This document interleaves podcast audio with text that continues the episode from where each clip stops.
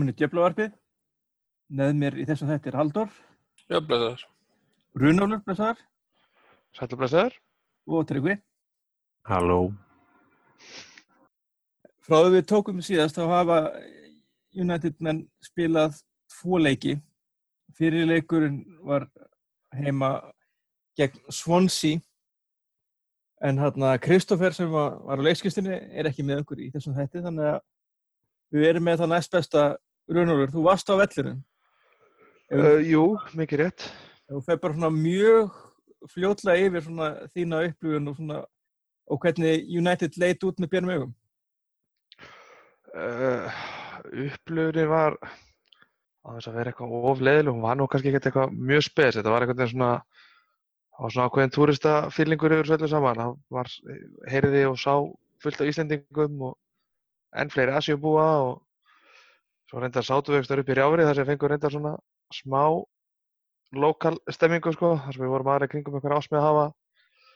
sem sungu allan leikin og ég sungu ekki takt við aðra stuðnismenn og við þetta vera nett saman bara, já, um svona kannski margt og mikið. En hvað var það leikir, það voru þú veist, fyrstu 30-35 voru örgulega hérna ég, ég, mér fannst bara svo svonsins nefn ekki boltan sko mér fannst hérna, ég held að Lindelöf hafi á svona 20. myndu viljandi gefið tilbaka á DG bara svo fengið að vera með sko það var bara búin að standa í markinu og búin nefið bara í streitt 20 myndur og uh, þú veist Já, spila með svona einhvern veginn, margt sem koma óvart eins og ég fór yfir hérna í hverðarsögunni á síðunni, svona nánar. Aðalega bara hvað manni fannst leikmenn hafa mikið frjálsræði, sérstaklega þegar þeir komast í 2-0 rauninni sko. En svo sást í setna áleikunum líka bara þeir slöku allir svona, þetta kannski ekkit viljandi en það er svona hægt og rólega róað staðins og já, þú veist, þeir hefðu getið að skora 4-5 mörg eins og allir vita. Þannig að það er svona kannski helsta sem stakk mér líka var hérna þrátt verið frjálsæði sem hefur sóknarlega þá uh, var það var vottur á skipulegri pressu að þeir leifuðu svonsi ítrekka að spila sérst út úr öllum útspörkum eitthvað en leið og þeir spiluðu út úr útspörkunum þá voru félagalegar að stað þá var rauninni eina skiptið sem að Mata var á hægri vægnum allan leikin hann virtist bara vera líka í frjálsir öllu og Antonio Valencia stóð bara einn oft út á hægri væng bara sko tímunum saman með menn voru reytabólta hinn meira vellinum, bara svona býð eftir að bóltin kemur til hans. Og svo hitt var kannski hérna að þessi fáu skipti sem að actually fjekk bóltan þá voru United rosalega fljótir að koma sér í sagt, varnarstöðu og bara svona í rauninni allir að koma sér einhvern veginn bara tvær línur af fjórum og einn eitt þarf fyrir framann einhvern veginn og einhvern veginn, já bara alveg minguðu svæði sem var að ráðast á bara mjög fljótt sem var svona einhvern sem að sér kannski sé kannski alveg neila vel í sjónarbyrju sko en þú veist þeir voru bara þú veist geta náðið mölluleik og sama fermetrana panna oftar en einu sinni sko. En jájú bara fýll leikur að mörgur liti og gaman að vera þetta og, og góð ferð. En þarna, segum mér, þarna var, var eitthvað leikmaður sem kom með eitthvað sérstaklega óvast bara svona munurinn á honum við bara séð sjónarbyrju Já, þú veist, kannski sko Matic og ekki á óvart og eitthvað svoleiði sko, bara hvernig Matic og Pogba spilu þetta kom svona pínu óvart, maður er einhvern veginn maður hefur einhvern veginn maður finnst oft Matic segja að vera vartansinnari og Pogba segja meira frálsræði en þeir voru báðir bara, þeir leistu það eða þannig bara, þeir skiptist bara á sko þeir báðir bara að fá að gera nokkurn veginn svona það sem þeir langaði sko og, og hérna oftar en ekki virtist varnar hlutverki í rauninni bara að liggja á miðverðinu tveimur. Það var svona Lindelöf sem kom ávart, þannig hérna var, mér fannst það mjög góður í leiknum sko, trátt fyrir hann hafi nú ekki spilað næsta leik, en hérna hann, þeir ætluðu greinlega svonsýmennir einhvern veginn svona að reyna eitthvað að keira á hann fannst manni þessi fáu skiptir sem kerði eitthvað fram á við. Og það gekk nú svona frekar hæpið hjá þeim einhvern veginn, en hann svona í rauninni var í flest öllum varnar aðgerðum í nættið maður sem var að gera eitthvað þegar það var eitthvað neitt að gera eftir Smalling. Smalling var bara svona einhvern veginn bara svona einhvern veginn í covervörn allan tíman það verður aldrei einhvern veginn hann með já, þú veist, kannski geta að spila við sterkasta liði heimi eða líkanlega sterkasta en þú veist, þeir voru eitthvað að reyna að stimpla hann og eitthvað og hann svona svaraði með því með því að koma einu svona pínu sent í frammeira sem stimplaði hann og svo átti að reyna rosalega hérna teklingu þegar Swansea voru að byggja upp okkar skindisók þar sem hann hirti boltan og, og skildi í rauninni leikmann Swansea bara eftir í jörðir í sko. Það var svona að öðrum ólöðstöðum kannski, þetta fyrir utan DG sem átti þarna sturla af vörslu og svo aðra í kjálfarið og Lindelof maðurinn sem var bjóst svona að, ég, veist, ég veit það ekki, maður einhvern veginn svona bjóst einhvern veginn kannski ekki við honum alveg svona hann virtist allavega hann hann, það, hann gaf svona hvernig maður lýsa þessu, þú veist, maður tók eftir honum annað en svona, þó nokkur með öðrum leikmunum lýsa sig einhvern veginn í leiknum. Já, en þetta, var svona, svona þægilegur rauninni bara skildu sig, skil- skildu sig rúar og ég náttúrulega var náttúrulega bara í komin bara í niður í þriðagýr eða eitthvað hérna í Já, já, þeir skora, þeir skora alltaf bara strax. Hérna, þú veist, Lukaku skora á 50 mínútu, sem ég held reyndar að vera búin að vera svona 15 mínútur að leikna þá, að þeir voru reytabolta bara, veist, eins og ég segi, Swansea bara komst ekki nála þeim, sko, og svo náttúrulega, þú veist, skoruð markarnar Lukaku þetta fyrir ángstæður og Mata skýtur yfir, sko, inn í markinu hann í byrjun setna hálfleiks og, þú veist, alls konar svona hálf, hálffæri að, þú veist, eða það sem að einsendingi viðbútt hefði í rauninni gefið mark, veist, þetta var svona einn straight forward og sigur verður nánast, sko, að, þú veist, maður bara pyrraður að sjá ekki fleiri mörg en hérna í næsta leik United þá fengum við fleiri mörg en hérna svo ég hérna var á leikskýslunni á þessum leik og var, tók það af mig bara svona það virtist engin annar viljan. Og og ég, ég skal viðkjum það að þegar að flauta var til hálfleiks í stöður 2-0 ég hugsa ykkur þegjandi, þörfina sko. en þetta er einhver mesti sko leikur tvekja hálfleika sem ég bara man eftir en þarna en náttúrulega mitt teik af leiknum er náttúrulega bara í leikskýslunni en þarna tryggvi þegar ég gefa hans á þig þarna hef, hef, hefur séð United jafn lélegt og þeir voru í fyrirleiknum bara í vetur eða bara síðan bara inn og tók við? Nei, en sko, hérna málum þannig leika, ég hérna eiginlega sá hann ekki. Ég var í brúðköpi og hérna uh, svona akkurat þegar veislan að byrja þá hérna þá kík ég á, á stöðuna og það er búin að, búin að eitthvað hálftími eða eitthvað þá sé að staðin 2-0 renni svona létti úr Twitter og, og sé að þetta er bara alveg vonlaust þannig að ég ég, ég, ég þarf ekki að kíkja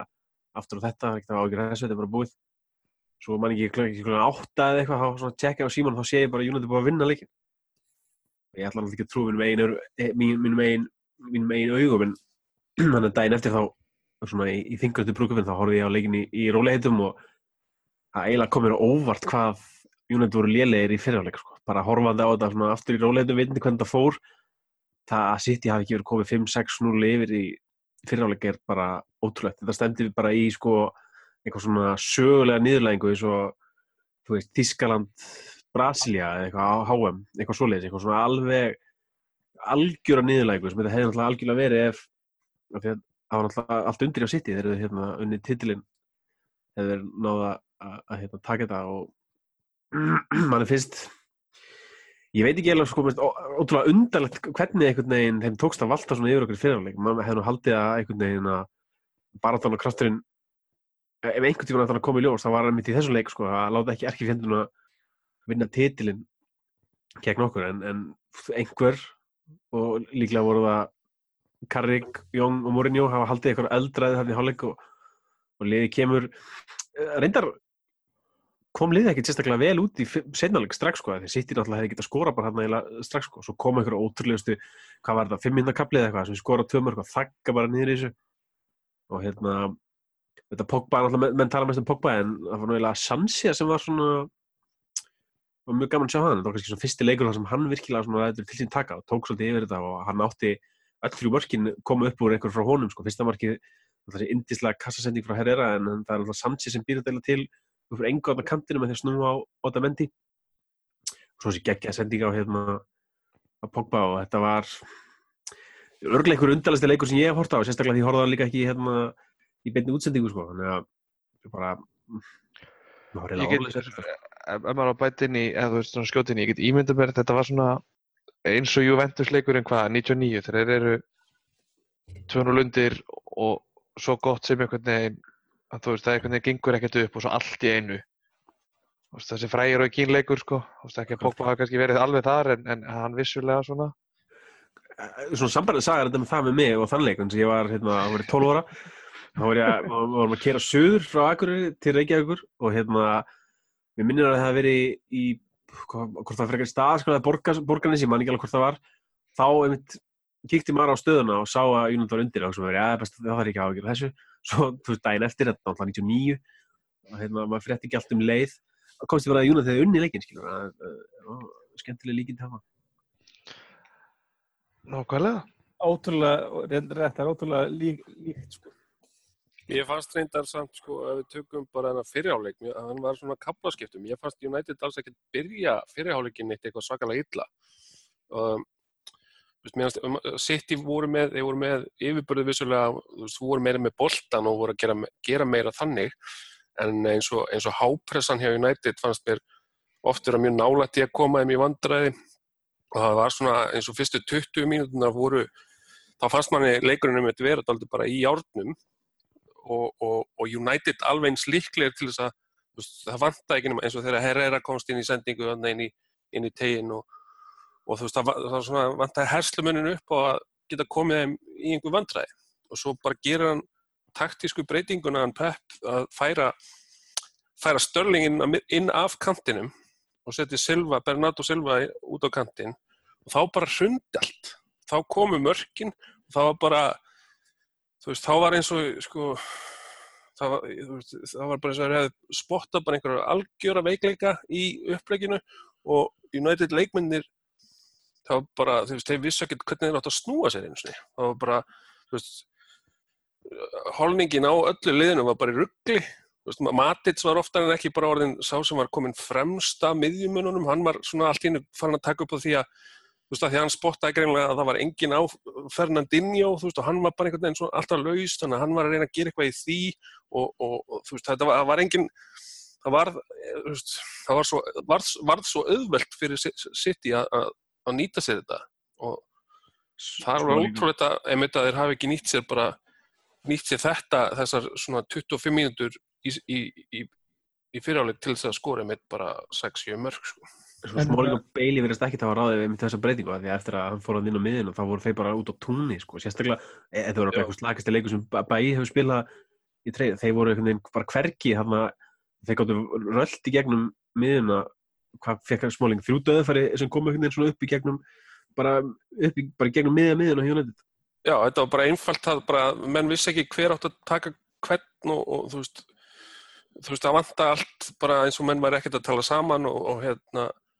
hefði í rauninni aldrei spilað saman það, þetta var alveg að leita eiginlega þannig út svona, á þessum kabla sko. þannig að þú veist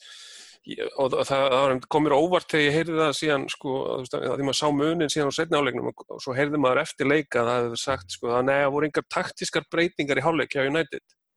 og það, það og þú veist, maður er fast að hissa því að maður bara svona, já, nei, ég var nokkuð vissum að maður sá einhverjar taktískar breytingar ekki, þetta, þú veist, en, en þetta var samt, það sem gerðist kannski var að, hérna, þeir fóru bara að spila meira eins og, eins og heild og, þú veist eh, sko eins og í fyriráleik þarna þegar þeir spiluðu illa þá var, þá var oft, hérna, voru oft kantmenninir að týnast svolítið svona, þú veist, þeir voru bara veginn við bakverðina hjá City og, og svo í, í, í setna áleiknum voru þeir komin miklu meira inn, inn að vellinum, þú veist, bæði Sanchez og Lingard. Og, og það virtist skila sér bæði í vörn og sókna því að þá gáttu þeir verið meira að bögga Fernandinho þegar hann var með boltan og líka tilbúinir til þess að taka við boltum frá eins og Pogba og svona. Eins og ég til dæmis svona mínum að þá sko Pogba var ekkert góður í fyriráleik en ég get svona gefið hann smá slakk fyrir það að ég held hann hafi veist, hann, hann var alltaf að leita fram á við. En það var svo erfitt að því að var, veist, þeir voru svo tindir sem hann var að reyna að finna en, en það sem ég var ánægður með með hennan fyriráleik hjá honum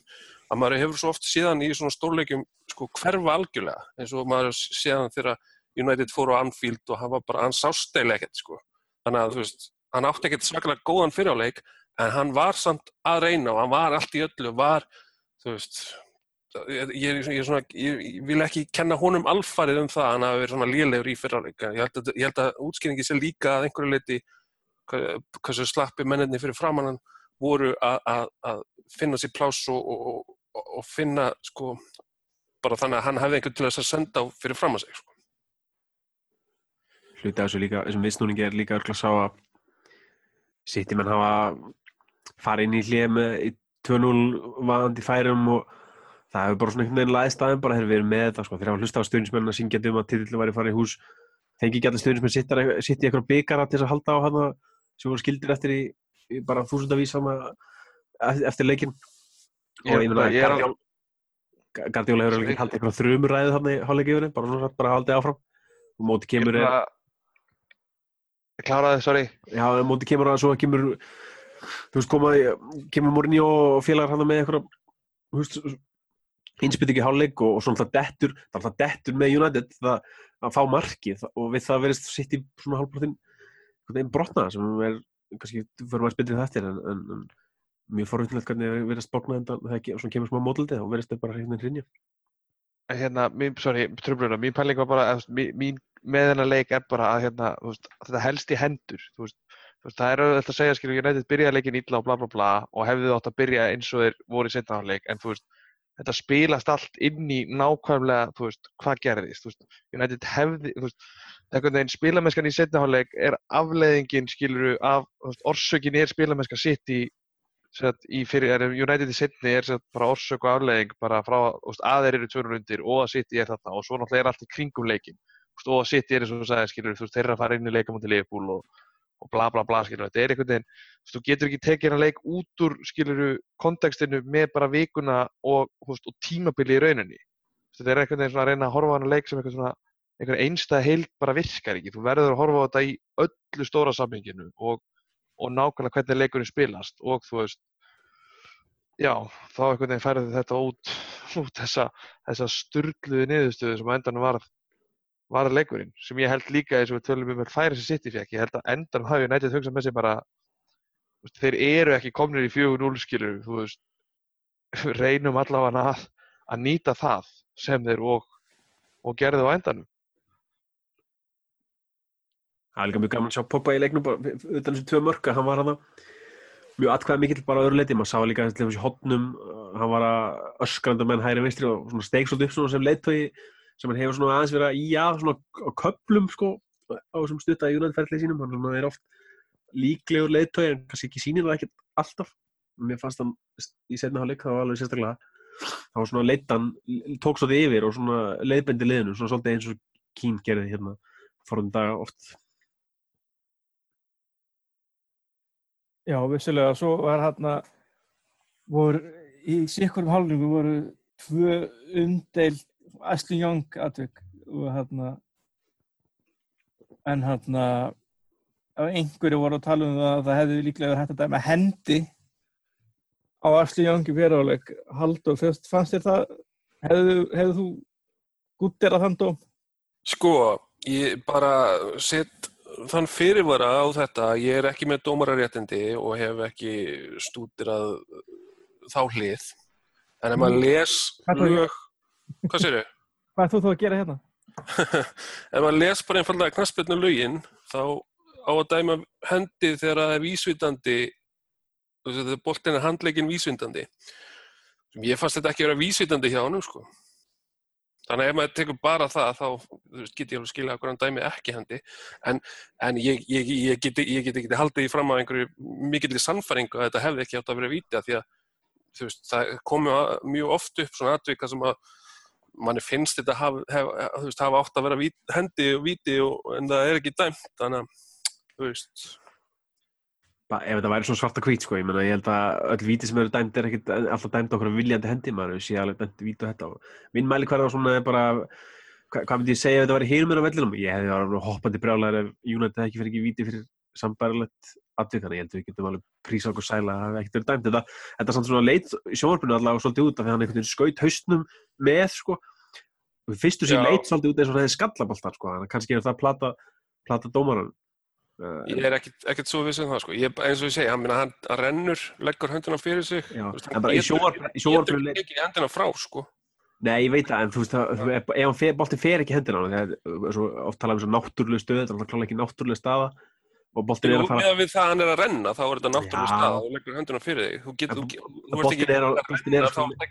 þú ert ekki að renna og, og legg, að nei, ég verð að hafa, hafa höndina samsíða líkamannum bara upp og það er bara ekki henda á mig. Þú veist, Þetta hefði verið, var hefði náttúrulega verið, staða með hvað gerðist. það hefði Boltinn- verið ónáttúrulega að þetta verið hinn hendun og hann hefði verið að lift, tegja sig í boltan. Já, hann, boltinn hann, færði, hann hreyfði ekki höndina í áttaboltanum, sko. en boltinn hann er líka, þú veist,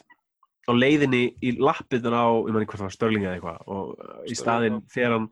mér Já, en það er ekkert í reglunum, það er ekkert í knaspinu Já, lögunum en þú að þegar þú tekur svona færi, það tek, eina sem sendur í lögunum er deliberate handling, þú veist, það, það verður að vera lögum, en þessi lögum er náttúrulega, þú veist, það er ekki alltaf ef, ef maður myndi alltaf dæma eftir nákvæmlega þessum lögum þá væri náttúrulega aldrei dæmt aldrei dæmt víti, af því að menn er alltaf með hendurnar einhvern veginn þú veist, næstu í samsíða eitthvað og svo færi boltan í hendina þá er dæmt Allir enda, finnst, mér þessu hafa, þetta hafa fækkað, sko. Þú veist, það, mér finnst alltaf að vera færri og færri vítaspinnur út af því að það er hendi, gallið vita náttúrulega einmitt að er að, þú veist, það er ekkert samræmi í þessum handardómgæslum inn í vítategnum sko.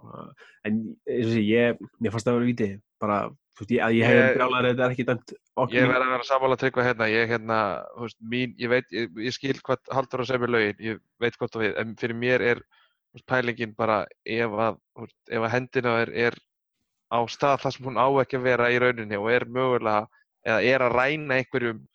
Já, þú- rænir þa- störling af færinu. Þarna ertu í rauninu, þú veist, þá, þú verður að taka, eins og þú varst að segja á hann, þú verður að taka þennan leik í samhengi við vikuna, þú verður að taka, veist, stöðun á handleiknum í samhengi við hvað Já, er að ég, ég, ég, ég veit það, ég veit það, en þú veist, ég hef alveg spilað fótballtalíki það sem er dæmt henda á menn sem renna sér niður, en hendina þeim er eftir og slæst utan í boltan og einmitt færir boltan, þú veist, þá af leikmanni eða frá leikmanni og eða gefur hindrar að veist, að knöttunum fari á leikmann sem er þá í döðafæri. Já, já, En það getur alveg verið viljandi líka, sko. Þú veist, það er bara spurning um að meta aðstæðuna hvort það sé viljandi. Svo finnst manni líka eins og þessi, þessi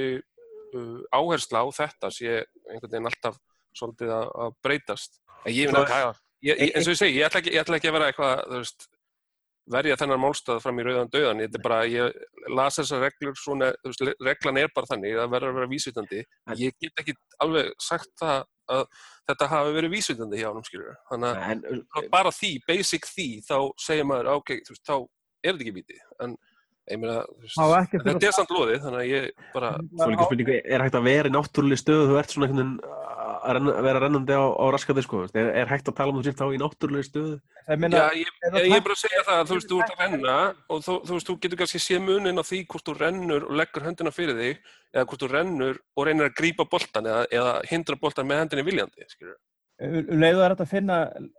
tek, teknina við það að tekla á þess að vera með hendina samsega líkamlega þá held ég að þú og meina að tæklingar eru hlu, löglegur hluti af leiknum þá held ég að þetta hljóta að teljast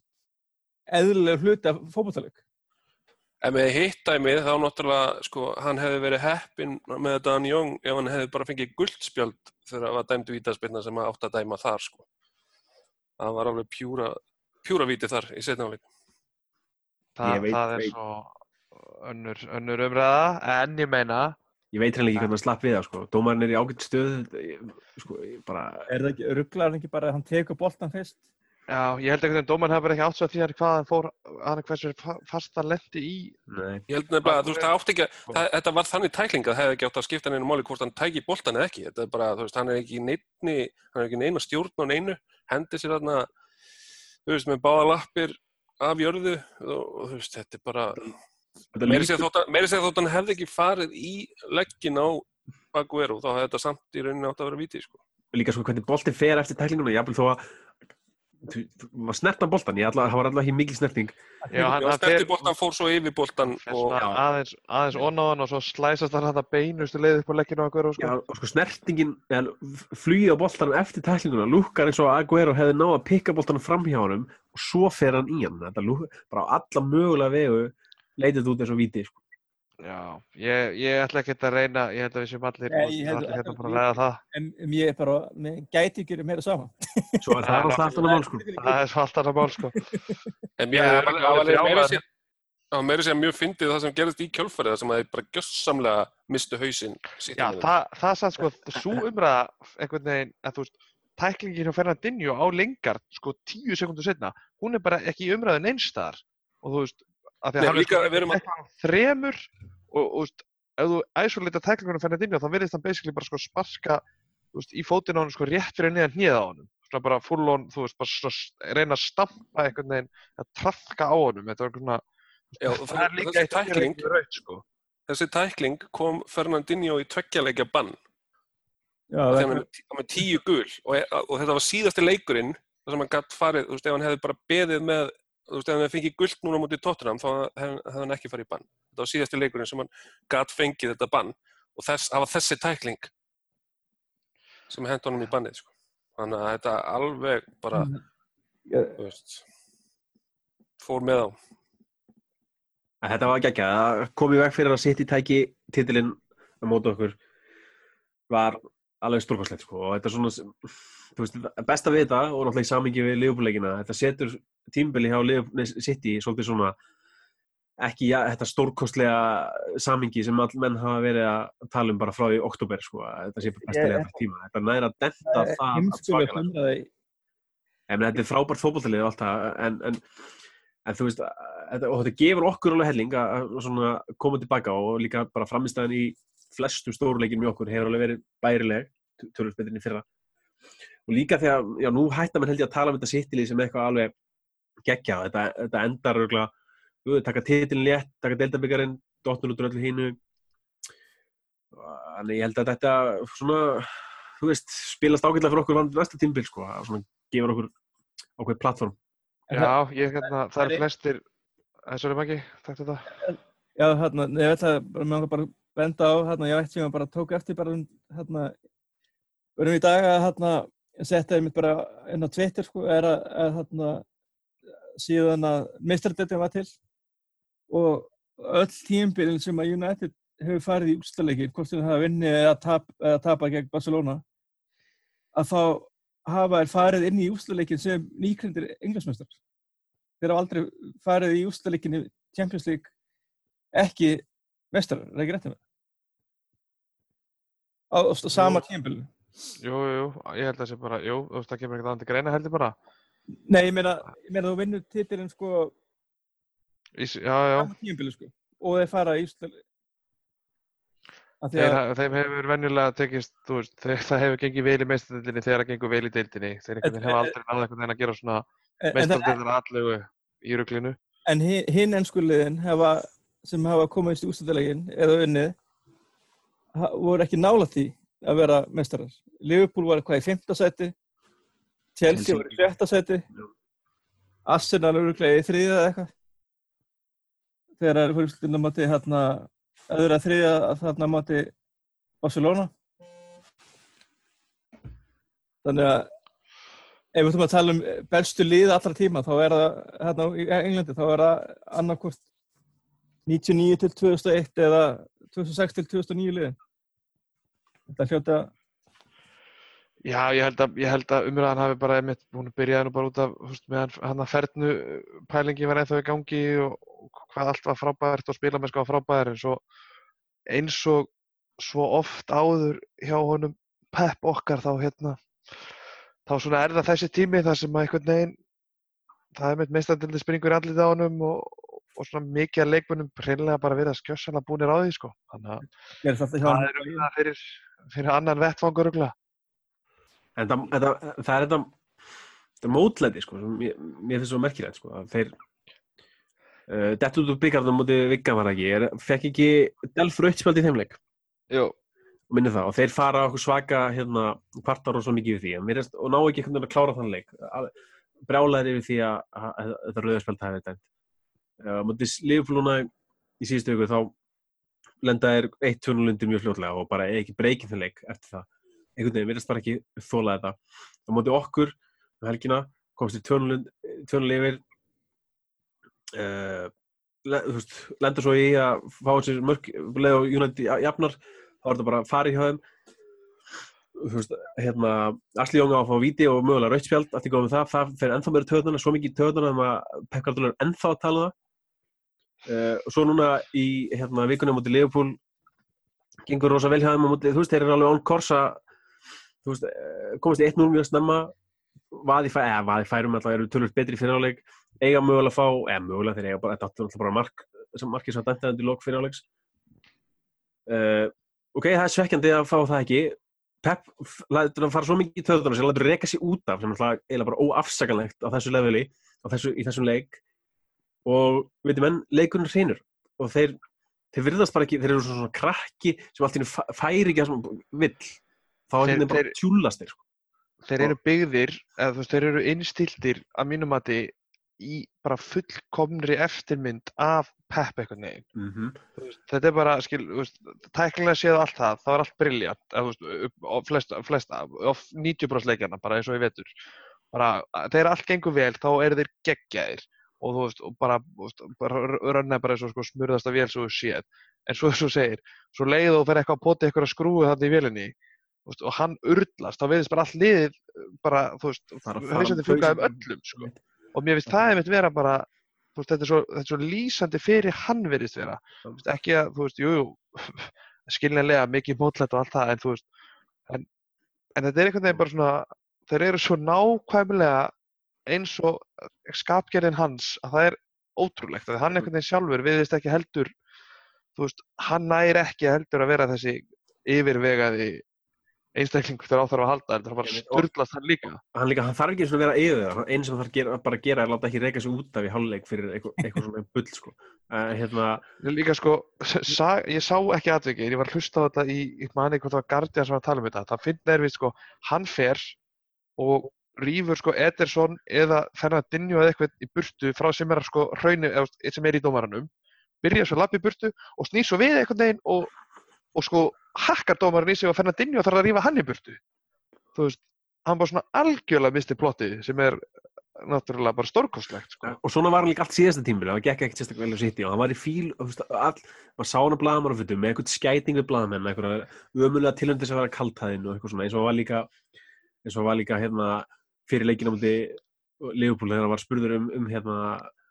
hvernig staðan var að Aguero og það bara hann dýfði sér hann þegar Asli Jóng var eitthvað svona asnaleg tilöndi sem verið inn að vera fyndin eða eitthvað, ég veit ekki og þetta er eitthvað sem menn verða ég er bara rétt að, ég er rétt að vona það að allir stjórar og, og hundi flesti leikmenn í deildinu næst tímbili séu nú bara að vinna í því hvernig hægt sé að svona potins mikið í hann og hægt er að næst tímbili reyna, veist, reyna að komast undir undir skinni hjá þeim sko. Mér varst einmitt, mjög skemmtilegt að sjá það, þú veist, í kjölfari á þessu, þegar maður sá að hvað þeir voru bara viðkvæmur og við það að brotna, hvað leikmenn United gerðu í því að, að, vinna á þessu. Að, náttúrulega ef höfum hennan, mistara í, í þessi, það sem kallaði hérna shithousery í Andri Herrera, sem er bara, þú veist, leikmaður sem að vilt alveg endilega hafa í þínu liði, en gjöð svona hatar ef þú þarfst að spila á mótunum og hann er einmitt svo góður í þessu að- íta í alla takka á anstæðingnum og, og henda sér svo niður og bara gera, þú veist, það er algjörlega dásanlegt að fylgjast með honum í þessari stöðu þegar hann sér, þú veist, þegar hann sér einhverja sprungu, sko, og veit að hann getur, getur hjálpa til við að- gera stöðuna verri fyrir anstæðingin og líka bara, það var líka svona eins og Pogba, hann að tæklingin hjá Pogba út á Mendi sem var bara svona, þú veist, hakkaða niður. Þetta var bara eitthvað, já, þú veist, hann, hann gatt sett hendurnar upp eins og, eins og hann væri rosa sorry, en maður sá alveg, veist, þetta var svona svolítið, þú veist, verið að setja ólí á eldin bara hjá þeim. Þetta var bara, þú veist, þessi staða hjá City, hvernig þeir hrundu, hvernig karakterinn hrundi í þeim, það bara myndi mann á bara Arsenal-liðið fyrir nokkrum árum, þegar maður vissi að, að leiðin til þess að ná Arsenal var ekki að reyna að matcha þá í fótbolta, svona tæknilegum fótbolta eða einhver svoleiðis, heldur bara að búlja þá til að hérna, og, og, og nýta, nýta það sko, bara að einhvern veginn að- að að ráðast á karakterin og þetta er það- kannski eitthvað sem er bara svip maður bara, ég veist, í rauninni þetta var svo þetta myndi mér svo mikið á það að ég beði bara eftir að sjá Gallas þarna sitjandi á vítateknum sko. Það og var það er líka- líkt. Flest liðin í deildinni eru líka alveg gýruð í eitthvað svoleið, eitthvað svoleið stæmi að vera ógeðslega leiðileg við það, það hefur bara ekki reynt á þessu tímbili þú veist, þeir hafa skora mörk eftir fimm myndur bara náðast í hverjum einsta leik það er mjög gaman svo tölfræður hversu oft staðan er 1-0 fyrir sitt eftir tíu myndur ég veitur, þannig að þú veist, þetta hafi allt gengir og svo, allt svona flóið einhvern veginn með þeim. Uh, en hérna, Ka og kannski, kannski hefur líka umræðan svolítið, eða þú veist umræðan, þessi umræða um það að þetta væri bara einfallega besta lið sem að ennska úrvalsteldin hefur nokkuð tíman séð kannski hefur það bara hjálpa þeim í rauninni. Já, og einmitt, Í þessu, skoraði sko. mark og þá hugsa ansaka þetta, þetta er bara búið sko, ég er Já, sem ég, hvernig, hvað hefur við hérna í besta lið sem hefur nokkuð tíman stíð fæta á fótboltaföld, sko. en það er allt annað líka að vera því þeir eru náttúrulega uh, hérna, þú veist, þeir eru að fara að vinna titil þá sé ekki, ekki komið í, hús og það er allt annað að verja titil en að sækja titil sko. þetta verður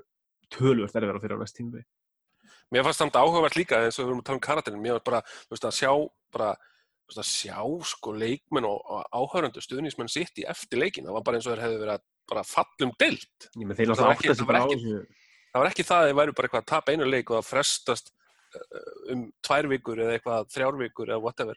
að, hérna, að, að, taka á móti þessum dilli. Þetta var bara, veist, fólk var bara hágrátandi þarna og bara gjössanlega niður brotið og, og þú veist, maður sá, það einhvern veginn þá maður sá það þá og þú þeir voru aldrei að fara að koma tilbaka mútið Liverpool í þessum setnileik sko. bara alveg saman hvernig, hversu góður þessi fyrirháleiku var þetta bara, þú veist Nei, menn, þú getur bara ímyndað þér hvað þú væri fúll ef, ef, ef, ef, þú við getum tryggt okkur sigur hérna, ég vil þó vera að fara að vinna titilin getum tryggt okkur sigur með því að vinna Liverpool þannig ertu komið með eitthvað til þess að lorda yfir hérna, Liverpool stundismönnum bara næstu 10-15 árin sko. Já, auðvitað var, væri maður fúll en þetta var ekki, þetta var ekki þú veist, þetta var, mér fannst þetta að vera miklu, svo miklu, miklu meira en það bara að að það væri einhver pyrringur í gangi þetta var bara, þú fólk var bókstæðlega grátandi. sko. Já, menn þeir hafa verið í skugganum á þessu liði hérna, bara alla sína tíð og nú Já, þeir, loksins veist, þeir eru samt að fara að vinna deildina Já, ég veit það, en, en þú veist að þarna hefði þið fengið svo fárlega gott þú veist, góð skotfæri til þess að akkurat bara þið þarna, Júnari, þið eru búinir sko, við tókum á móti ykkur Ég held að þetta sé einmitt ástæðan fyrir, þú veist, hversu mikilvæg þessi leikur gæti orðið, þá maður vilja nú aldrei taka einhvern einn leik og, og, og hampónum eitthvað of mikið, þú veist, þetta er bara einn leikur af mörgum allt það, en, en þú veist, fyrir, þú veist, það, það var einhver umræða, skilur í rauninni skiptið sín leikur einhver máli, bla bla bla, þú veist, að því að þau verða í fyrsta og öðru setið og eitthvað, en þú veist, hann skipti öllu máli fyrir, þú veist, bara, þú veist, ekki bara fyrir leikmenn og sást veist, ég get bara ekki ímyndað mér sko, veist þetta er svo, það er svo andlegt og veist, þetta geti alveg spila svo bilan þátt bara í segjum að núna, þú veist en, en þetta geti spila svo bilan þátt bara fyrir sko, jafnvel allt næsta tíðanbíl í rauninni sko, bara upp á upp á það skilur að þú veist, þetta er svona benchmark sem United er búið að setja og þú veist, og stundin, veist af því að setja í stundismyndir hefðu þeim mitt geta, þú veist, nota þetta svo lengi sko. líka bara sjokkið magnast af því að þeir eru komin í 2-0 yfir Já, algjörlega. að, þú veist, allir í hálfleik eru bara strákar, þú veist, allir hugsa bara djúvill eru við með þetta sko. Já, já, ég meina eins og þú, þú, veist, þú talar um aðan að vera ekki að horfa leikinn sko. ég, þú veist, einn af fáu leikinn sem ég náði að horfa á bara frá A til Ö og fyrirháleikurinn eða þú skoðar 50 mínútur á hennu voru bara svo lélegar að ég sko maður átti ekki aukað ekki orð en svo bara, bara smá mótlæti þarna hinum megin einhvern veginn, það var svona eins og sagðir, bara ef að, ef að fólki tekst að finna þessa nál til að stingi í þá á næsta tímabili, sko, það verður þá verður gaman. Að, að því líka sko að því Guardiola er akkurat eins og eh, þegar maður að tala um hann sko, og sást á síðast tímila því hann er, hann lætur svona farið töðunar sín og það hefur áhrif á allt sem hann er að gera sko. þetta er svo mikið líkil að því að, að hérna, svona brjóta það bak aftur. Sáum líka bara eins og Spáni þegar Mourinho gerði náttúrulega í því að pyrra hann. Eh, var ekki, þú veist, var ekki hérna aðstofþjálfur hann sem hérna, Rúi færi potaði auga? Skilur bara, að- nú ekki segja að það er endilega að gera það en allt svona eitthvað, eitthvað svona leiðindi munu hjálpa sko. Já, já, algjörlega. Og svo eins og Haldur talaði líka með hérna þetta með Arsenal dæmið frá því gamla dag sko, það gæti mögulega að spila eitthvað inn í okkur. Mourinho er svona hægt og rólega að byggja upp eitthvað lið af risum sko. Þá hafi kannski ekki svona endilega sérst neitt frábærlega vel í þessu leiki sem við spila við þá þú veist einfallega bara að vera stærri, sterkari, feitur og frekari sko, veist, það gæti líka gæti skila sér á endanum sko Það er samt líka með svona, svona minni menn sem geta hlaupir og svo mikið eins og, eins og Sanchez og Lingard. Lingard líka, hann átti alveg góðan þátt í þessu, þessari umbreytingu. eins og til dæmis hlaupi sem hann tók sko fyrir hann að jöfnunumarkið þar sem að hann í rauninni tekur sprettin inn í teig og Lukaku held ég að hafi dreigið sig til aðeins hægra megin út á kantinn. Og hann í rauninni tekur báða mið, bak, hérna miðverðina hjá City. Þeir fylgja honum. Og Fernandinho er eiginlega bara að hafa áhyggjur af, af Lingard og Sanchez. Þannig að þá nær Pogba að lauma sig einhvern veginn bak við hann og Otamendi síðan spottar Pogba bara of sent til þess að gera eitthvað almennilegt í þessu. Og þetta var svolítið veist, mjög skemmtilegt að maður horfir að að því að þú veist, það sem að var svona, það sem að sá fyrst hvað var flott í þessu marki var bara það sem að Sanchez var að gera og það sem náttúrulega þessi fáránlegi skalli frá Pogba. Það var bara rugglað hvernig hann náði, náði þessu skalla, náði, snýr einhvern veginn bakin í marki og náði að tegja hálsinni og bara þvílík tækni sem hann sem fór í þetta. En það var svo, það var svo skemmtilegt að fylgjast með þessu hlaupi á Lingard og Lingard bara var einmitt, átti svo stóran þátt í þessu. Hann, ég held að hann átti að eitthvað hátt í 20 fleiri spretti heldur en næsti maður veist, hann var alltaf hlaupandi og sp- sprettandi og svona náttúrulega er ógislega góður í þessari líka pressu hátt. Hann vin- vinnur vel á, á, á þeirri pressu. Þannig að þetta er svona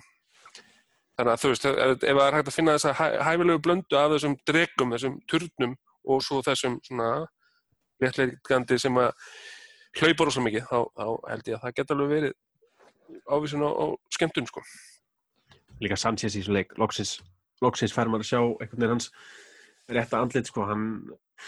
eh, eins og segja á hann, hann á öll þessi mörk undirbúningin að þeim og hérna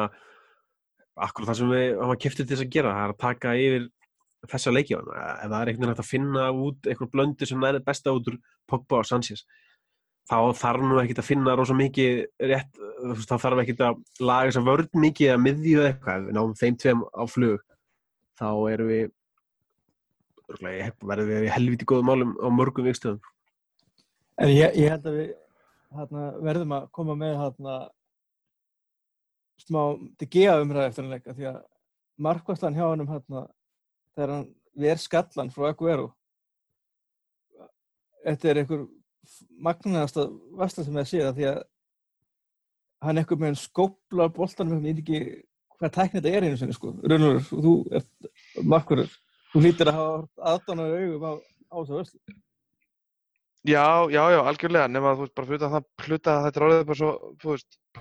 bara einfallega eins og þegar varði hérna skoti frá e, Ab- Tammy Abraham á móti Swansea, þú veist, það, veist, fólki í kringum mig, veist, jú, þetta var langt í burtu, sko, en það var bara svona, oh, he did it again, þú veist, það var bara svona einhvern veginn,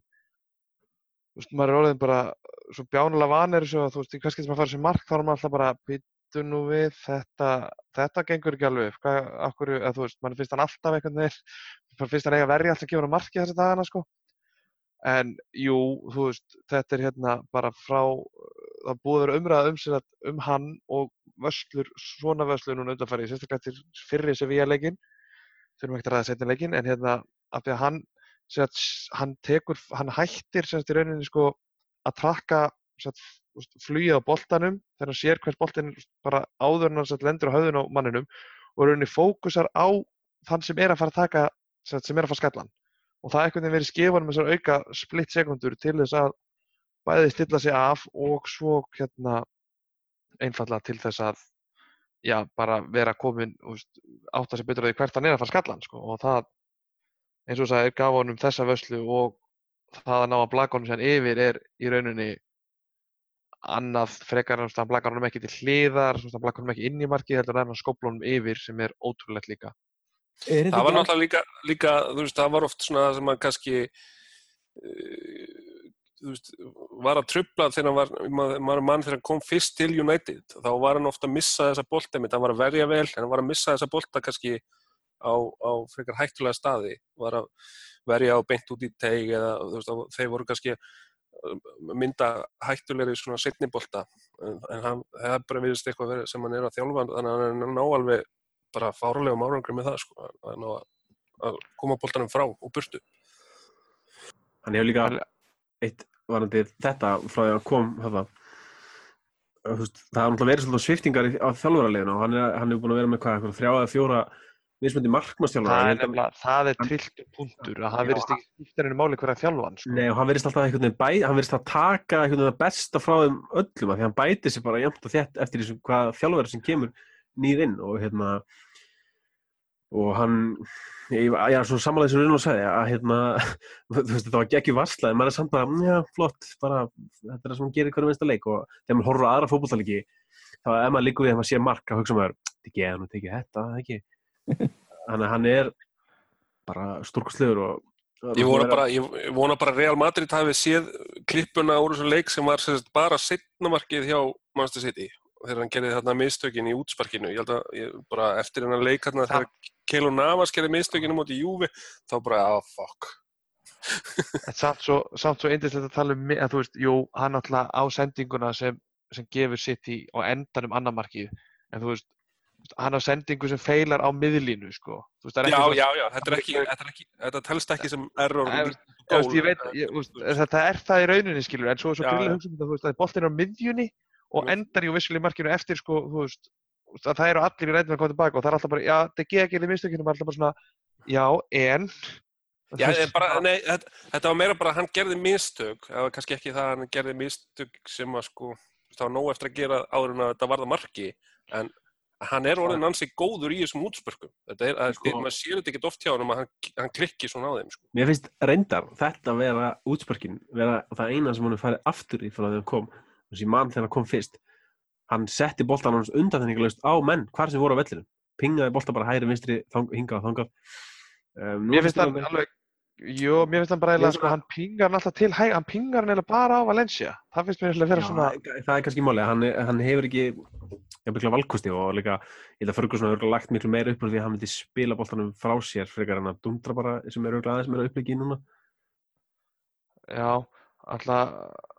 það er samt, þeir Eh, segja spila þeir sem alveg, farið aftur þá, þá er ég ekki að tala um eitthvað gigatís sko, bara, Nei, nei. hann bara eftir svo stert fyrst sko. þetta var með því fyrsta sem heitlaði við hann sko. það var einmitt hvað hann var hvað hann var góður að negla boltanum eða alltaf á, jafnvel þá var pressa á honum eða menn einhvern veginn sem var að dekka mannin sem var að boltan átt að fara á hann einhvern veginn og alltaf að hitta á það Er þetta ekki bara breytt spílamennska sem er kannski jú. en þeir spila samt sem áður sko, þú veist, eins og sagðir sko, uh, hann, það er eitt líka eins og með þennan leik sem hann fer á einhvern veginn, það er bara þú veist, að sjá hvar þeir taka, hvar hann tekur markmannsútspörk er mjög, mjög undarleg pæling veit ég fyrir marga en ekki fyrir eh, markmanns uh, perverta eins og mig. Veist, hann stillir hann ekki upp hægra eða vinstra megin, skilur, boltin fyrir bara í miðjuna á, á marktegnum og svo ef það er ekki skilur eitthvað sem getur veist, og svo reynar ofta hann ekki bara að gefast upp ef það virkar ekki, þá er mitt liftur hann honum upp en mér finnst veist, eins og þegar hann er færan í, veist, in play tilbaka, þá finnst mér hann, í 90% tilvika að gera það sem hann gera mútið sitt í það er að reyna honum til hægri á Valencia og það er að hlýtur að vera einhvers konar einhvers konar pæling með það, sko. En en ég veit hvað við einhvern veginn með því að, veist, hann virkaði virka, að, ég veit ekki, jú, það er einhvern veginn svona hefðið svona, hann spa- sparkaði mitt bara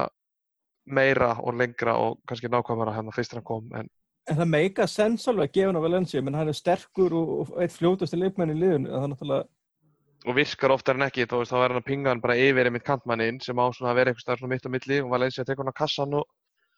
og þýtur á stað sko, en svo getur lent í þessu eins og mótið sitt í en ég held að við sjáum ekkert meira af því á næstu, næstunni sko. Nei, ég Það held- að negla niður hann samning sem búið að tala núna einhver síðustu mánuði að sé alveg að fara að bresta á sko. Já, Já, það er bara borgunum það sem hann vill sko, þetta er nú ekki droslega flókið, bara ef hann vill launa eitthvað þá bara hversu mikið og er bara já, hversu lengi og já, bara, mjög einfalt sko. En ég það með, já, sorry. með sko DG því að alltaf þessi tölfræð sem sýnir að hann er að verja miklu fleiri opinfæri og fleiri skot en þú veist, eðlilegt getur talist er ekki United með miklu meira svigur til að spila miklu meiri sóknabólta bara því að við erum svo ógeðslega góða markmann skilur, sem tekur meira en er hægt að búast það er það, Ég, Fannst ekki ne, sko, ég, sko, það er, veist, í grunninn, jú, en, en sko málið er að hann er samt, veist, hann er línumarkmaður, skiljum, þú veist, hann er ekki, hann, hann fer aldrei út úr tegnum. Og það, veist, það vissulega er, veist, Mourinho hefur alltaf spilað, veist, með línumarkmenn í rauninni, en þú veist, markmenn sem eru bara, Check hefur ekkert verið mikið í, Check var ekkert mikið að úr tegnum eða að gefa hann stutt og eitthvað sín tíma og hvort svo í grunninn ekki heldur. Og þú, þú sér það mjög oft þegar kemur stungusending á United lið og Smalling eða hver sem er sem er að reyna að skýla boltan er alltaf bendandi boltan og reyna að íta De Gea til sín, hann kemur ekki út og þú veist, jú, vissulega sveigrum til að spila meira sóknarbolta en sko í grunninn, ef að markmaðurinn svýpar ekki upp á baka miðverðina eina, þá hérna þá getur hann alltaf ekki skilið eftir 60, 60 metra veist, þar að milli, eða 50 metra alltaf sko. og það svona er minn löstur á honum en samt, þú veist, ef þetta ekki löst, ég veit ekki hvernig orða þetta skilur, fónir svipaður skilur, hann er ekkert heldur að vaða út það er bara að finna einhvern veginn jafnbæði þar sem þú getur þá gefið mönnum fram á því meira sveigurum án þess að bytni of mikið á varnarlínunni sko. En, en að fara í eitthvað svona full-blown hápressu eitthvað þungaróksbolta sem er rosa mikið í tísku og leiðin sem vinn ekki neitt þá, hérna, þá er held ég að það sé ekki ekki að fara að leysa nefn vandamál sko. Nei, ég held að við þyrftir að fá alltaf fá ein, eitthvað bara heimsklassa miðverð þarna fyrir framannan þá kannski getur við fara aðeins vera veist, meira frelsi svonarlega en ég meina lið sem er að fá á sig eh, svona mörg skot sem ætti vera mörg, ég meina svo vörn er ekkert að standa sér neitt sérstaklega vel sko. Nei, það er svo annað sko það er einhvern veginn samt já, ég... en hérna, en svo ég hérna klárið svo vörslu hérna, náttúrulega, náttúrulega Vastlan náttúrulega er náttúrulega eins og glæsir hún er, þá náttúrulega má ekki gleyma því náttúrulega að þetta, ef að ekkur er að skora, þá eru við kannski að tala um jafnveg sko City 4, United 3 að því að Já, það er svo sem ómöld að segja en jú, þetta mark hefði vantilega einhvern veginn kannski kickstartað þeim inn í, inn í leikin aftur þannig að svona Jú, jú, mögulega. Svo er það reyndar að þakka Raheem Störling fyrir það strax í kjölfari að þessari markværslu að koma notur að hotnið og þá held, er ég nokkuð vissum að Raheem Störling hafi stólið marki af Master City þegar hann setti bóltan í stöngina. Ég held að hann hafi verið á leiðin inn, ég held að hann hafi verið, uh, þú veist, að Diggi hefði ekki getað varið hann eða hann hefði farið framhjá, framhjá Störling sko þar. Þannig að þetta er svona, þetta var mjög margt sem að datta hann líka allavega líka rétt fyrir okkur þannig að maður, þykkur það alveg og þetta er bara mjög fyndið með veist, alveg vissulega var þetta raukt spjald og allt það sko en, en allar þessar greinar og allir þessi umræða eftir það sko þetta er svona, fyndið að bera það saman við umræðana eftir, eftir að Bravo átt að fá raukt í fyrra. Ja, það var engin umræða. Nei, ekki neina þannig að þetta er svona Þetta er náttúrulega, það er náttúrulega á, á, ákveðin hátt óþjóðlund en ég er alveg bara fyrir að fíla það. Það sýnir bara að, að hana, bara hvað stall United hefur. Er bara að það bara það er bara það er, fólk, fólk er gætilega að fara önnum liðir er gætilega að fara að vera hrætt aftur það er kannski bara góð. En hérna svo ég slánu bóttin í það sérst að sitt í þannig að það var alltaf bara geggjaður sigur og, og svo haldaði til haga þá hérna nokkur döðu setna þá tapa tapa er þriðja leiknum með rauð á, á einni viku. Eða sex stugum og hérna og eiga núna tóttuna um helgin og það sem að ég held að ekki margir sem búist við sitt í sigri með að við hvernig dampur náðum og fer nefndinu í banni. En núna síðustu daga alveg gær þá hérna kom eitthvað slúður hérna frá fransku meðlum um að Antoni Marcial vilji fara í sumar. Og viðbröð reysjurnar voru hérna miðsöfn hérna, ég og, og Björn sem er, er fjarrir góðu gamni í kvöld hérna vorum bara svona á þeim bara á því bara ef hann vil fara það fera en Runalur þú ert ekki alveg þú ert ekki alveg á þeim stað. Nei, bara alls ekki sko. Þú veist það ef hann vill fara þá er það út af því að hann er ekki að spila sem hann er vissulega ekki að gera núna. Og ef að United getur einfallega ekki búið til pláss eða mínútur fyrir leikmann af þessu kalibri með þessa hæfileika og, og þessa mögulegu framtíð þá held ég að við séum, ekki við, heldur að, að félagi sem við stiðjum séum á töluvert svona rángri rángri hillu jafnvel og svona ekki, þú veist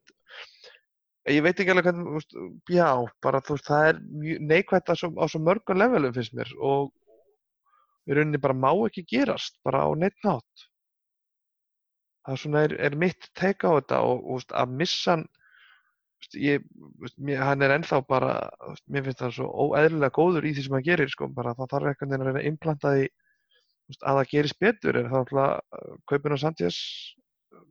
veist, að fá Sandjes breyti því hvað það var þar í, hérna, veist, þeir spila til sömu stöðuna þarna, sem er svona ákveðin,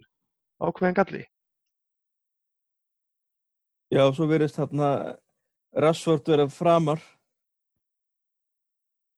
Já, að þú veist, hann, eh, í rauninni. hann, ég ætla alveg núna, já, hann svona að treysta honum betur þessa dagana, en hérna, ég, ég veit það ekki, mér bara, þú veist, þeir einhvern veginn virka allir best vinstra megin náttúrulega og, og það er náttúrulega skellur af því að maður væri til að sjá að spila það saman einhvern veginn og svo náttúrulega þegar það var reynd að spila Lukaku, Rashford og Martial saman fyrr í vetur þá einhvern veginn svona þá vantaði eitthvað svona eitthvað í balans sem að þú veist einmitt Lingard og Mata gefa sko. En veist ef hann fer það bara það væri svo mikið það væri bara svo vond bara upp á líka bara upp á, upp á sko leikmenn sem vilja koma eða þú veist leikmenn sem liðir að eldast við maður er veginn svona ég veit ekki, mér myndi bara finnst það algjör skelving sko en að samanskapi held ég að hann sé ekkert að fara því að það er enginn af ég veit að ekkert hvað hann langar samling eftir en hérna ég er ekkert vissum að sé mörg lið sem hafi efni á honum svona ef við förum í þar, þær pælingar því að hann fær ekkert hann fær ekkert ódýrt held ég. Ekki hvað þá með markaðin í dag? Ég meina, Mourinho er alls ekkit að hérna típan í að að selja menn eitthvað ódýrt sko. Ég meina, Mata fór alveg á topprís frá Chelsea á þessum tíma til okkar. Og þá, menn töluði eins og næfi hendunum úr liður en hann seld, seldur að tæpla 40 miljonir pinda þarna áður að verðin urðu galinn En ef hann er, seldur, við myndum aldrei fá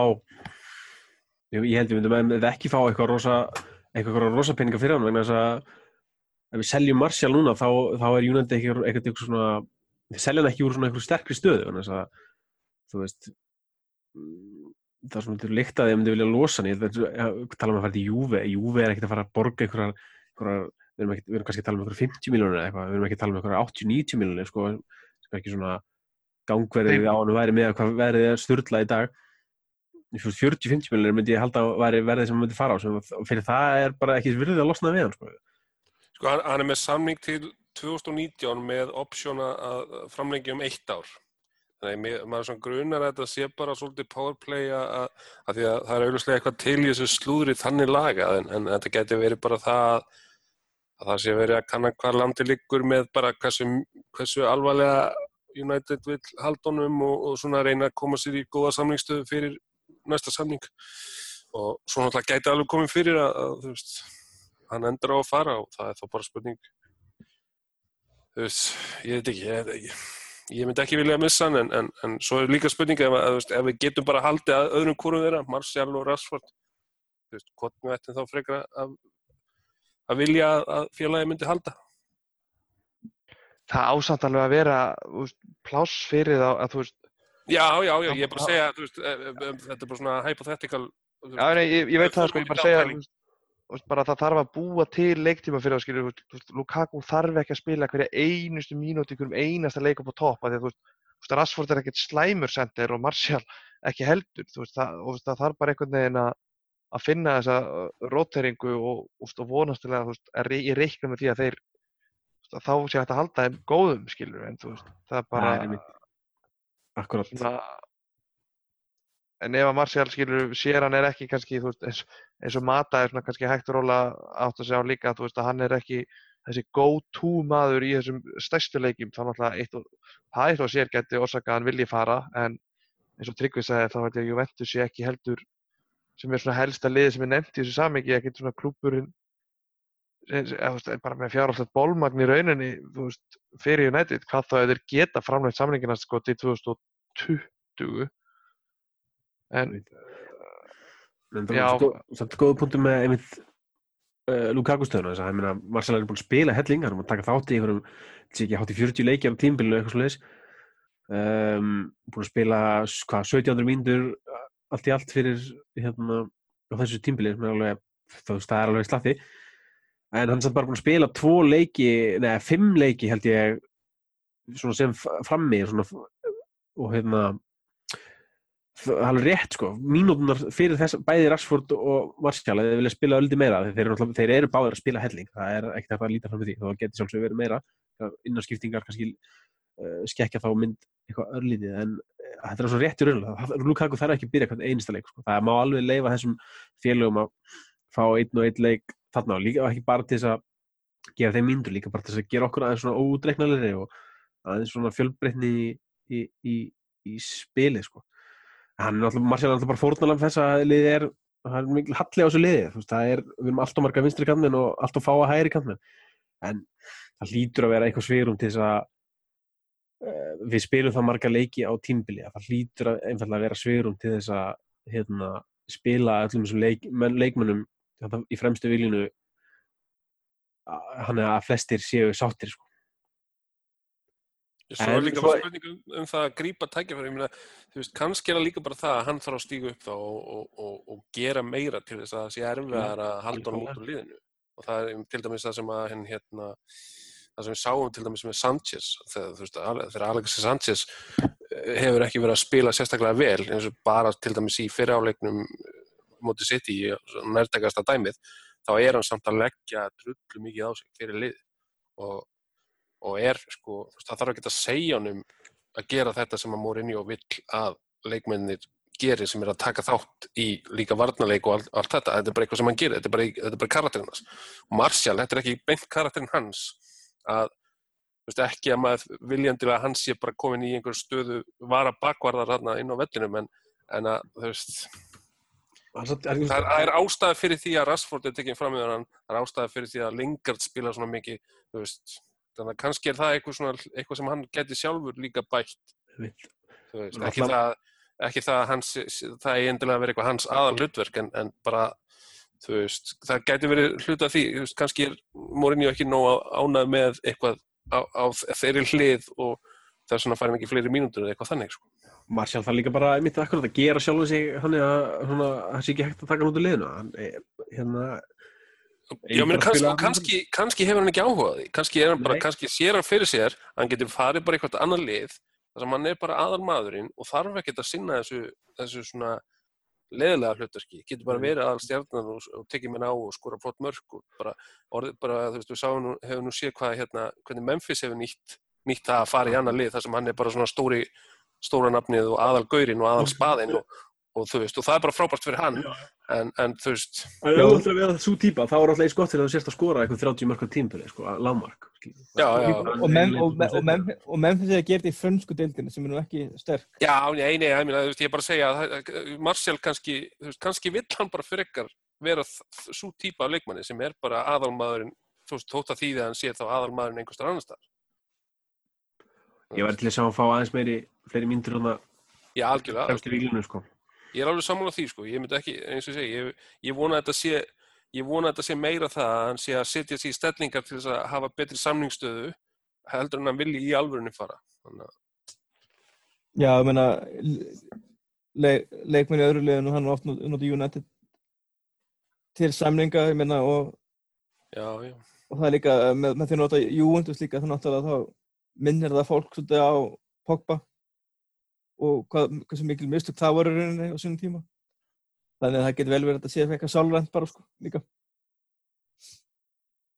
En hérna hérna raunalögur þurftu að þjóta þannig að við hérna ég ætla nú bara svona árum við kveðjum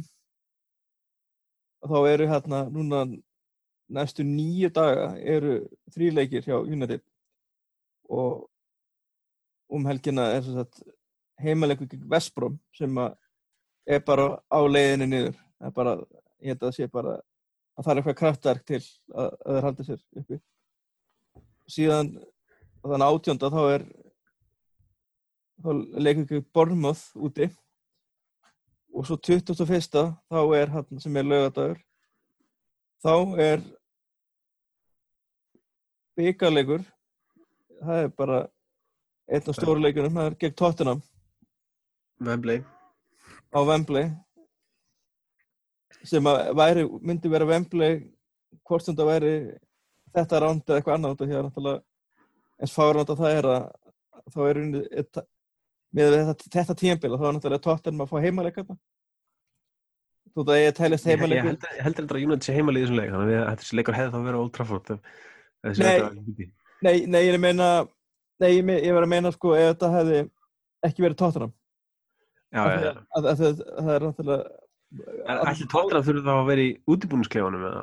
Já, Kannski það er, það, er þannig. Er kannski er- kannski er þið nákvæmlega eins, ég veit ekki. og náttúrulega er þeir fá ekki meiri hluta af uh, stuðningsmunum, þú veist, það er 50-50 og allt það. Já. Já, já. Þetta er samt, þeir, þeir þekkja, þekkja völlin betur og allt það. Ætli, ætli, ætli þeir séu að nota heimabúningsklefan í Já, það lítur alveg að vera í, í, í hinleikin. Það er alveg ótrúlega undarlega það allt í einu er komin í hinn klefan, en líklega er þessir búningsklefar ekki mjög frábrunni, sko. Nei, Nei, er ég held sé, nei, ég held að séu rúglega ekkert vola svona En mér fannst, nefnilega, ég fór, ég fór á Stafford Bridge, fór í svona stadium tour og hérna, var rúglega, fyndi, hérna, ég veit, þetta eru líklega á svona mörgum völlum, en hérna, heimabúningsklefin var alltaf alveg geggjaður, sko. Svo fór maður í útibúningsklefan, úti í liðaklefan. Það var miklu minni, uh, það var engin svona, uh, þú veist, það var ekki klefar fyrir, veist, til að set- fyrir það að setja dótið sitt í, það var bara svo snagar, en ef maður undir bekkjunum voru svona litlir, hérna, skápar sem kannski þetta úr en þú þurfti alltaf að tegja þig undir hérna, undir bekkin til að setja, setja vermen og svo var hérna bara eitt speill í hérna í klefanum og hann var sérst, þannig að hurðin opnaðist fyrir hann fyndin smáðri og þetta er alveg svona á fleiri völlum sko, en, en mö- mögulega ekki samt á þjóðarleikvagnum, ég veit það ekki. Djöld væri fyndið að þetta væri svona, nákvæmlega svona á Wembley. Það væri bara svona, geðvöld bara- mis, geðvöld misspunni bara, bara af því, af því bara. Það var bara fyndið hvað maður geta gengið langt í svona að vera, vera leiðindi. Og líka svo útpælt sko, þetta var alltaf, þetta var árið 2005 alltaf 2005 eða 6, þannig að stutt eftir að Mourinho tók það, kemur ekkert óvart ef Mourinho hefði látið breyta þessum út í klefa sko. en hann að já, já, en þetta, þetta verður vissulega þetta er svona áhuga verður hérna rétt rúm vika hérna framöndan og, og svo eftir það þá hérna er heimaleikur gegn Arsenal. Það er lokaleikurinn í aprís Já, ég meina ef við gefum okkur það að City sé bara fyrir að hrinja þá, þá þurfum við bara að vinna rest og þá, þá, þá hérna, tökum við titilin en eins og, eins og ykkur bendi á ef að United vinnur le leikinn sem þeir eiga eftir í deildin þá endur tímböld með 89 stig sem er alltaf bara, sem er galið, þú veist, að Hefur- vera öðru seti sko. hefur United eitt hérna á 89 stigum? Ég jú, það, er, tók með hérna, 90 stig hjá það. uh, unnu titilin einhvern tíma með 89 stíðum, sko. Það er alltaf fáralegt að lenda í öðru seti með 89 stig. Og segjum, gefið að við vinnum alla leikina sem er náttúrulega ekki endilega að fara að gerast. Nei, ólíklega, en sko að munur, ef við bara fyrir, gef, missum okkur í bjart síni þá er bæði liðin 6 leik eftir og það er 13 stæða munur. Þannig að City, City má þeir þurfa að tapa fjórum, gera eitt í aftöfli og, og þannig að þeir geta unni eitt leik þetta er ekkert ógerlegt sko. Nei, nei, Sko, sí, síðasta tímabilið á Fergie, þá, þá náði United 89 stíðum. Já, var þeir voru um sögulega góður þá, þeir voru alveg fáralega hérna, Það var e- 11 stíða fórstu á næsta lið, og sko. voru búin að vinna 25 leiki voru ekki fljótast til þess að vinna 25 leiki og eitthvað svona, það var algjör drugl sko. Já, já. samt sögða mennu að það United hefur svo lélegt Já, það er oft alltaf- stu, stuðnismenn annar liða, það er alltaf, þú veist, það er aldrei United sem er svo góður, það er alltaf hitt liðið svo lélegt eða öll hinn í Nei, það, það, væri, það væri ótrúlegt. Jafnvel, og jafnvel þá við töfum einleik þá er þetta 86 stig sem er svona hinn hefðbund að tala sem menn tala um að sé nægi þess að vinna titilin svona gegn tíðina þannig að Já, ég, ég vil að tímbil sko. Það verður gaman að fá enda tímpul með 86 83, 86 eftir, hvort það er stig og, og heyra samt umræðum að, Mourinho sé búin að eðilegja United. Já, þetta segir alltaf bara tvent sko. Fyrsta lagi bara hvað City hafa verið running góðir á þessu tímbili og í öðru lagi hvað, hvað mannstu nefndi hafa ekki næstu því verið jafn lélegir og þessi ótrúlega undarlega umræða hefur svona látið, látið svona að vera í að Nei, það var fólk Þetta er náttúrulega orðið, orðið mjög fyndið þegar fólk er að tala um það,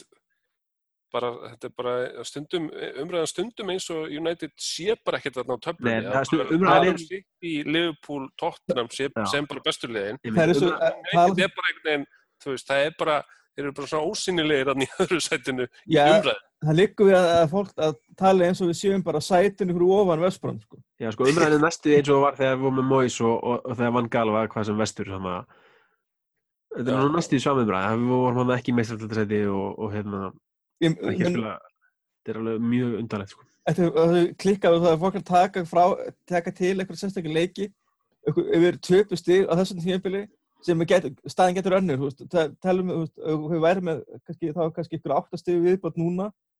og veist, þá er að tala um mögulega sko 97 stiga hérna höll í sko í deildri sem alltaf bara er fáralegt veist, en, og tala um þetta sem einhvern veginn krísu, það er náttúrulega bara er það er er bara stupid og nota nota þetta sem eitthvað punkta í því að Mourinho sé búinn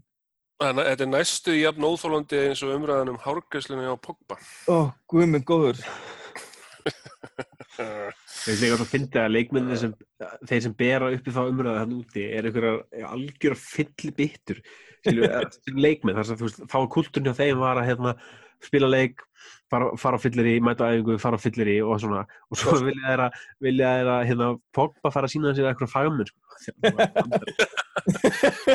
eða liggur við þeir eitt kaldan í hálfleik sko. Já, Já, ég meina þú veist, gaurinn sem er hérna bara drekkur ekki neitt, aldrei neitt við sem hann, bara já, að því hann lítar hárið á sér, þá er það bara ómögulegt, sko. ég meina þetta, þetta, þetta er líka bara rasísk umræða ég meina það er bara fýllin í herbygginu að það er svart ég, þú veist, ég, ma- ég man ekki eftir að fólk hafi verið að missa mikinn að að- þegar Beckham var fór alls konar klippingar Nei, eða, eða þegar 80s leikmenn voru í, hérna með permanentið og, og hérna það tók það einhvern langa tíma, eða hérna herra afneitun sjálfur, hann hérna Bobby Tjalton, þegar hann með Komo over veist, ég held að hann hafi verið miklu stressaður yfir hárun á sér heldur en Pogba nokkuð tíma, þannig að þú veist, bara, þetta er, þetta er, þú veist, já, þetta er bara svo mikið kjartaði, sko. Nei og svo náttúrulega komum við ekki, inn á það áðan en, en hann droppaði þarna þessari sprengju hérna Guardiola eða sprengju eða ég held að það er bara spurning bara hvort að það hefði bara verið líi hreinlega. Með Nei, þarna- ég er ekki viss um það sko, ég er ekki viss um það. Ég held að, ég held að þetta sé svona eitt af þessu það sem að, það sem að hérna, mínu var bara, veist, að vera tilbúinn, þú veist, að því að það var alls konar í umræðinni á þessum tíma. Og ég held að þetta sé bara það sem hann gerir, hann er alltaf með einhverja öngla úti og, þú veist, ég, ég, ég gæti alveg trú að því að sko núna erum við að tala um það að, að sko, hann, er, hann er eitthvað búinn að viðurkenna að hann hafi rætt við City, er það ekki, frekar en Pep. Mínú. en sko hvort sem þetta var líið ekki þá var það ótrúlega dapur og léleg leið hjá Peptis að vera með einhverja, einhverja mind games sko. Já, já, ég, verið- allan, held ég að þú veist, sko, ég hef engar ágjur af þessu, ég held að þetta sé bara eitthvað sem að Mínó gerir, að hann er Mm. Hann er alltaf einhvern veginn að þreyfa fyrir sér og kanna hvernig, bara segja, svo hann sé tilbúin ef eitthvað fyrir gang. Þetta er öruglega líka sé- bara, bara eitthvað almennt ekki eitthvað, já, ég held að það sé ekki eitthvað sem að þurfa að stressa sig mikið á, sko. Nei, ég held að, ég held að sé allir stuðnum hérna, allir umbóðsmenn hjá þessum, þessum sko sölu vænu runni leikmönnum gera þetta nú ég held bara til að þú veist hann á stöðuna bara upp og líka styrkja þá samfélgstöðu þessar leikmanna við, við sín lið Og- Guardiola hefur líka alltaf einhvern veginn alltaf þú veist, reyna að sá einhverjum óvissu fræjum í örgulega bara í leikmannhópnum í United. Og viðbrun hafa, viðbrun hafa örugglega verið bara hvað hvað er þessi gaur þú veist, hvað er þú veist, þeir hafa verið bara hvað er þessi sp- hvað, hvað gaur er þetta eiginlega? Hann virkar sko, hann er uh, fýtt þjálfari en hann virkar svolítið vittlus Æ, það sé nú að bráka á það Frábært svar hjá, hjá Mourinho eftir þetta, það sem að síndi bara, Mourinho síndi bara, þú veist, þú, veist, þú, þarft að vera góður í sálfræðitakti til þess að reyna, reyna hjóla í Mourinho, þegar hann sagði hann, já, þú veist, þeir, þeir segja þetta og þessi segja þetta, og mér er alveg sama hvor er að segja satt og hvor er að ljúa. þú veist, það skiptir með engum máli. Og þá er hann, að, að, að, er, hann næri einhvern veginn að vera með hárfínt skot á bæði Pep og Raiola með þessu. sko hérna Mourinho, það fær í sálfræðastríð við Mourinho, það er svo